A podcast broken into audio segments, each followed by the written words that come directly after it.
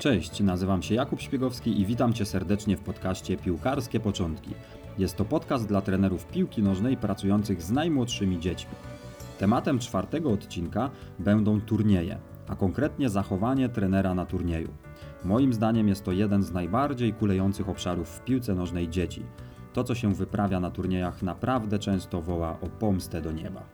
I dlaczego uważam, że tak jest? Dlaczego uważam, że to jest bolączka i co tak naprawdę tam jest nie tak? Przede wszystkim jest niezdrowe parcie na wynik. Jasne, że każdy z nas chce wygrywać, dzieci też chcą wygrywać, ale niestety wśród trenerów góruje podejście, że wynik jest tutaj najważniejszy i środki często są bardzo źle dobrane. Po prostu Nieważne co, ważne, że po trupach do celu i mamy wygrać mecz, i często, bardzo, bardzo często na tym cierpią dzieci. Jest to taka chora presja wywierana na tych małych zawodnikach, na tych młodych ludziach, naprawdę, no bo przecież to są 5, 6, 7 czy 8 latki, to dopiero jest początek ich drogi. Oni dopiero niektórzy uczą się wiązać buty, a niektórzy dopiero co się nauczyli wiązać buty, a my już wywieramy na nich naprawdę niezdrową presję i takie ciśnienie, że muszą wygrywać, muszą coś już potrafić, muszą jakiś konkretny sposób grać. Kolejną dużą bolączką też według mnie jest zły dobór celów i priorytetów, czyli na przykład jeśli widuję drużynę sześciolatków, która gra już klepką, gra podaniami, trener krzyczy do nich zmień stronę, no to naprawdę coś jest nie tak. Trener chyba nie wie, co powinno być robione w tym wieku, i niestety idzie też w ten sposób. Może się zachowywać nawet bardzo dobrze na treningu, mieć dobre podejście do dzieci i zachowywać się także bardzo dobrze na turnieju, ale jeśli idzie w ten sposób, że uczy ich gry zespołowej, bo widzi w tym efekt, że wygrywają mecze, to znaczy, że jego wiedza nie jest kompletna, że coś jest nie tak, że chce przeskoczyć pewien etap, bo widzi efekty. Ale nam nie zależy na efektach teraz w 6-7 latkach, tylko w przyszłości, żeby oni potrafili grać w piłkę. I teraz często trenerzy walczą właśnie o wygraną, o awans, o jakiś tytuł, o puchar na konkretnym turnieju. Później mogą się tymi wynikami chwalić na Facebooku czy w innych mediach społecznościowych. I to niestety trochę zaciemnia im obraz sytuacji. I bardzo wielu trenerów zachowuje się po prostu na turnieju nie tak, i również rodziców, co za tym idzie, no bo trener jest dla nich przykładem, więc rodzice i trenerzy zachowują się karygodnie bardzo często na turniejach, psują atmosferę, wywierają chorą presję i zachowują się po prostu tak, jakby wyłączyli swoje mózgi, brzydko mówiąc. Naprawdę czasem mam takie wrażenie. Więc dzisiaj chciałbym Ci powiedzieć o tym, jak temu zapobiegać, jakie są nasze cele, jak powinien się zachowywać trener i jakie powinien podejmować decyzje, żeby to wszystko miało ręce i nogi. I pierwsze, najważniejsze założenie, z którego ja wychodzę, to fakt, że dla mnie rozgrywki, turniej czy mecz to jest po prostu dodatkowa jednostka treningowa. Traktuję weekendowe spotkania jak dodatkowe jednostki treningowe, które po pierwsze są dla nas sprawdzianem, czyli patrzymy, czy to, co robimy na treningu we własnej grupie, działa też w rywalizacji z innymi zespołami. Taki sprawdzian, który może nam dać troszkę do myślenia, czego robić troszkę więcej na treningu, nie zmieniać całkowicie swojej filozofii, ale troszkę do myślenia może nam dać. Po drugie, ta jednostka treningowa dodatkowa w weekend to jest rozwój dla zawodników. Tam muszę dostosować swoje zachowanie i swoje decyzje do tego, żeby wszyscy zawodnicy dobrze się rozwijali. Bo jeśli gram na przykład tylko piątką najsilniejszych zawodników, to czy dbam o rozwój wszystkich innych, jeśli oni wchodzą tylko na przykład na minutę czy na dwie? No chyba nie. Na treningu w ten sposób nie postępujemy. Tam ćwiczą wszyscy. Więc jeśli podejdziemy do turnieju w ten sposób, traktując go jako dodatkową jednostkę treningową, to też będziemy myśleć, jaki on ma odnieść skutek na naszych zawodników i jak mądrze zachowywać się na tym turnieju. Poza tym turnieje to przede wszystkim radość dla dzieci. To też musi być radocha, muszą cieszyć się z tego, co się dzieje, nie czuć tej chorej presji, o której rozmawialiśmy na początku odcinka i po prostu cieszyć się zdrową rywalizacją. Zdrową rywalizacją, żeby swobodnie mogły pograć w piłkę z uśmiechem na twarzy. Dzieci też na takich turniejach uczą się radzić sobie z emocjami, bo maluchy niestety, znaczy niestety, to jest naturalna kolej rzeczy. Po prostu jeszcze z emocjami radzą sobie słabo, bardzo słabo radzą sobie ze stresem. Nie potrafią sobie poradzić z taką presją, więc musimy ich tego też uczyć, ale przez zdrową rywalizację, przez uśmiech, przez czerpanie radości z tych turniejów i dla nich wystarczającą presją jest przeciwnik, inna drużyna, cała otoczka turnieju, sędzia, kibice i wszystkie inne rzeczy, które towarzyszą rozgrywką, a nie presją jest chore zachowanie trenera czy rodziców na trybunach.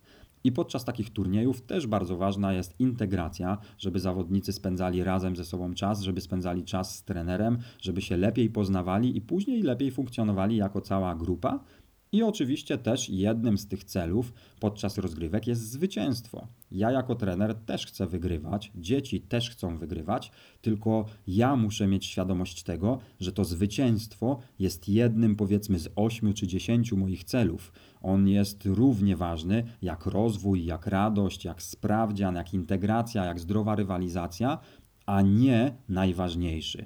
Więc walczę o zwycięstwo, ale w mądry sposób, dobrze prowadząc drużynę.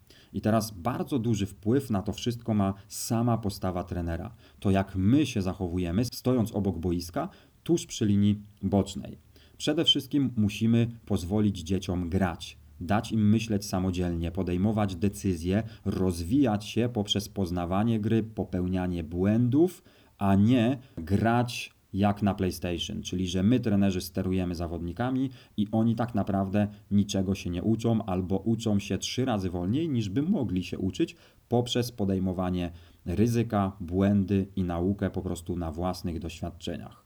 Trener ma być po prostu wsparciem dla tych najmłodszych zawodników. Mamy ich chwalić, uśmiechać się.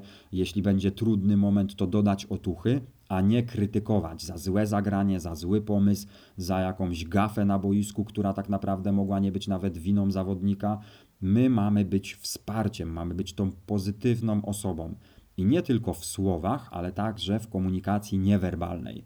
Zwróć uwagę, ilu trenerów i rodziców także, gdy na przykład zawodnik wychodzi sam na sam z bramkarzem i nie trafia w bramkę, Ilu trenerów w tym momencie się denerwuje, łapie się za głowę, odwraca się, rodzice coś tam pod nosem sobie mówią, jest jęk zawodu na trybunach. Rozejrzyj się na najbliższym turnieju, ile osób się tak zachowuje. Moim zdaniem bardzo dużo, o wiele za dużo, bo jeśli dziecko nie trafia w bramkę przy jeden na jeden, co zdarza się nawet i Messiemu i Cristiano Ronaldo, to ono oczekuje wsparcia później, a nie jeszcze dokręcania śrubki i dołowania go takimi komunikatami niewerbalnymi.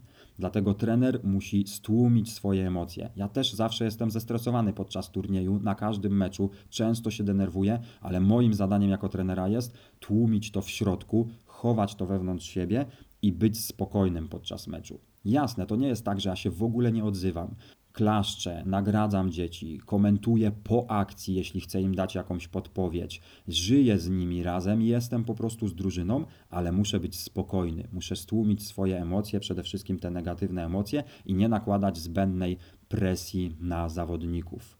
To jest moja rola. Natomiast jeśli chodzi o samych rodziców, to nie będę już tutaj się rozwodził w tym odcinku podcastu. Jeśli chcesz, to przesłuchaj sobie poprzedni odcinek, odcinek numer 3, w którym mówiłem właśnie o współpracy z rodzicami i tam znajdziesz kilka wskazówek na ten temat. Ale chciałbym tutaj dodać jeszcze jedną rzecz do postawy trenera, czyli nasza komunikacja z sędziami. Też uważam, że to bardzo mocno kuleje. Bardzo mocno kuleje. Sędzia powinien z nami współpracować ja tutaj nie mam na myśli, że sędziowie dają ciała na tym polu, tylko my jako trenerzy dajemy ciała, bo my możemy z sędzią porozmawiać spokojnie, dać mu jakiś feedback po meczu, porozmawiać coś, dlaczego on potraktował tak, a nie inaczej. Natomiast krzyki podczas y, meczu naszego na pierwszej czy na drugiej połowie nic nam nie dają. Sędzia jeszcze bardziej będzie przeciwko nam, bo się na niego wydzieramy on też będzie zestresowany przez to i będzie coraz więcej tych błędów popełniał. A poza tym sędziów nie ma wielu. Na te nasze turnieje dziecięce przyjeżdżają cały czas ci sami sędziowie, więc chyba nam jako trenerom powinno zależeć, żeby oni byli coraz lepsi, żeby funkcjonowali tak jak trzeba, żeby nadawali na tych samych falach co my, żeby wiedzieli co jest ważne w treningu dzieci, na co trzeba zwracać uwagę podczas takich turniejów. I wtedy, dając im feedback, rozmawiając z nimi na bieżąco, po każdym meczu, w przerwie meczu, wyjaśniając sobie pewne sytuacje na spokojnie, przyznając się do błędu, to i sędzia przyzna się do błędu i będzie wiedział, że trzeba ten element poprawić, i z meczu na mecz, z turnieju na turniej będzie coraz lepiej. Kolejna bardzo ważna rzecz, która dotyczy już znowu samego trenera, to są decyzje. Decyzje, jakie podejmujemy, żeby zadbać o rozwój najmłodszych zawodników. Trener musi podejmować bardzo, bardzo dużo decyzji związanych z turniejami. Nawet już takie, kto jedzie na turniej, kto nie jedzie tym razem, jak tym rotować, jak współpracować z rodzicami, jak rozegrać najbliższe mecze, które turnieje wybrać, jak się zachowywać podczas turnieju, co robić z zawodnikami. Tych decyzji jest naprawdę dużo, ale ja dzisiaj chciałbym się skupić przede wszystkim na tych decyzjach, które dotyczą pojedynczego meczu czy pojedynczego turnieju, czyli jak my się zachowujemy na rozgrywkach. Przede wszystkim musimy dać dzieciom miejsce na błędy i to na dużo tych błędów. To się wiąże z tym, co mówiłem przed chwilą a propos emocji. Musimy zachować spokój, wiedzieć, że dzieci będą popełniać błędy i to bardzo, bardzo, bardzo dużo tych błędów, więc musimy uzbroić się w cierpliwość i być tym wsparciem, o którym wspominałem dla nich, a nie katem i dokręcać śrubkę, jeszcze wywierać dodatkową presję.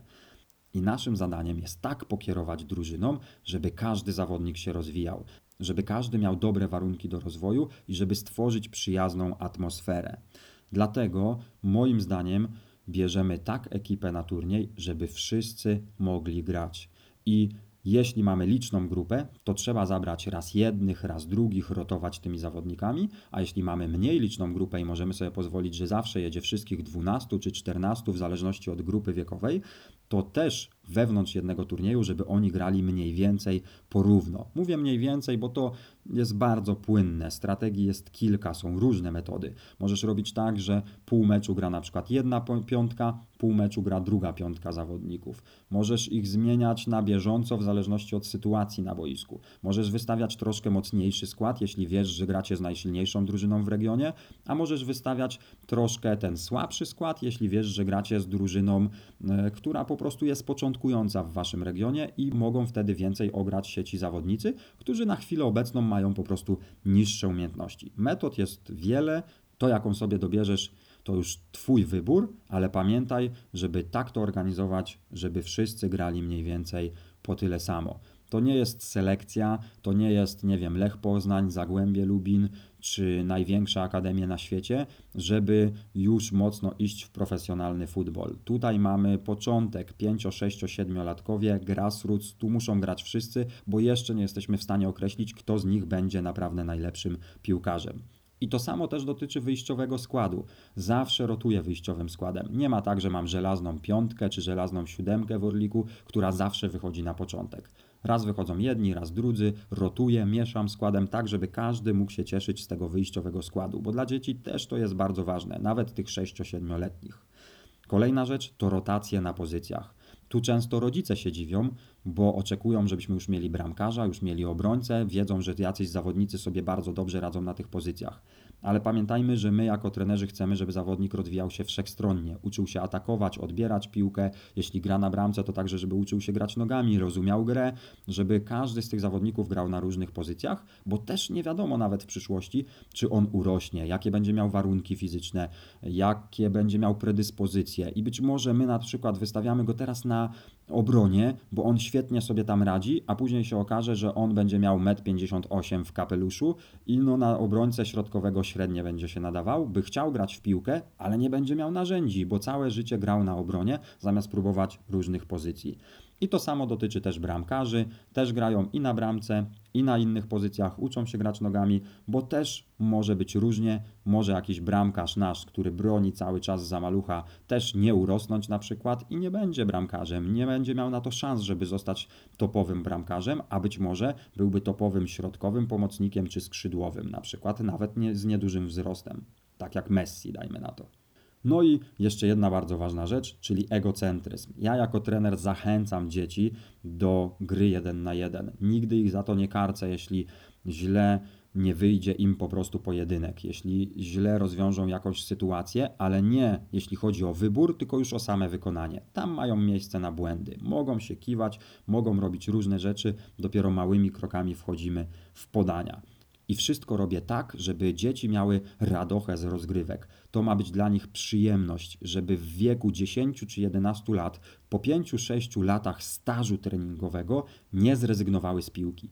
A wiemy, że to się dzieje bardzo, bardzo często, że piłkarze w wieku właśnie tym 11-12 lat wybierają już inne rozrywki. Są dziewczyny, są koledzy, jest komputer, inne jakieś aktywności, gdzie trener nie wywierał chorej presji i po prostu idą w inne miejsce, bo mają dosyć piłki. Dlatego przez te wszystkie lata muszę dbać o dobrą atmosferę, o ich rozwój i o odpowiednie warunki po prostu dla młodych zawodników, żeby nie dość, że oni się wszechstronnie rozwijali, to żeby jeszcze czerpali z tego radość. I na tym chciałbym zakończyć dzisiejszy odcinek. Postawa trenera jest niezwykle ważna, zwłaszcza podczas rozgrywek dzieci. My mamy stwarzać dobre warunki do rozwoju, wspierać dzieci i pomagać im w piłkarskiej edukacji, bo przecież rozgrywki dzieci to właśnie element nauki, a nie walka o Puchar Ligi Mistrzów. Jeśli ten temat Cię zainteresował, a myślę, że powinien zainteresować każdego trenera, który pracuje z dziećmi, to wejdź na stronę www.piłkanożnadladzieci.pl ukośnik trener myślnik na myślnik turnieju i zapisz się na 4,5 godzinny kurs, w którym mówię właśnie o zachowaniu trenera i postawie trenera na turniejach. Jest to kurs online, więc możesz go oglądać w dowolnym momencie i uczyć się wtedy, kiedy chcesz www.piłkanożnadladzieci.pl ukośnik trener myślnik na myślnik turnieju.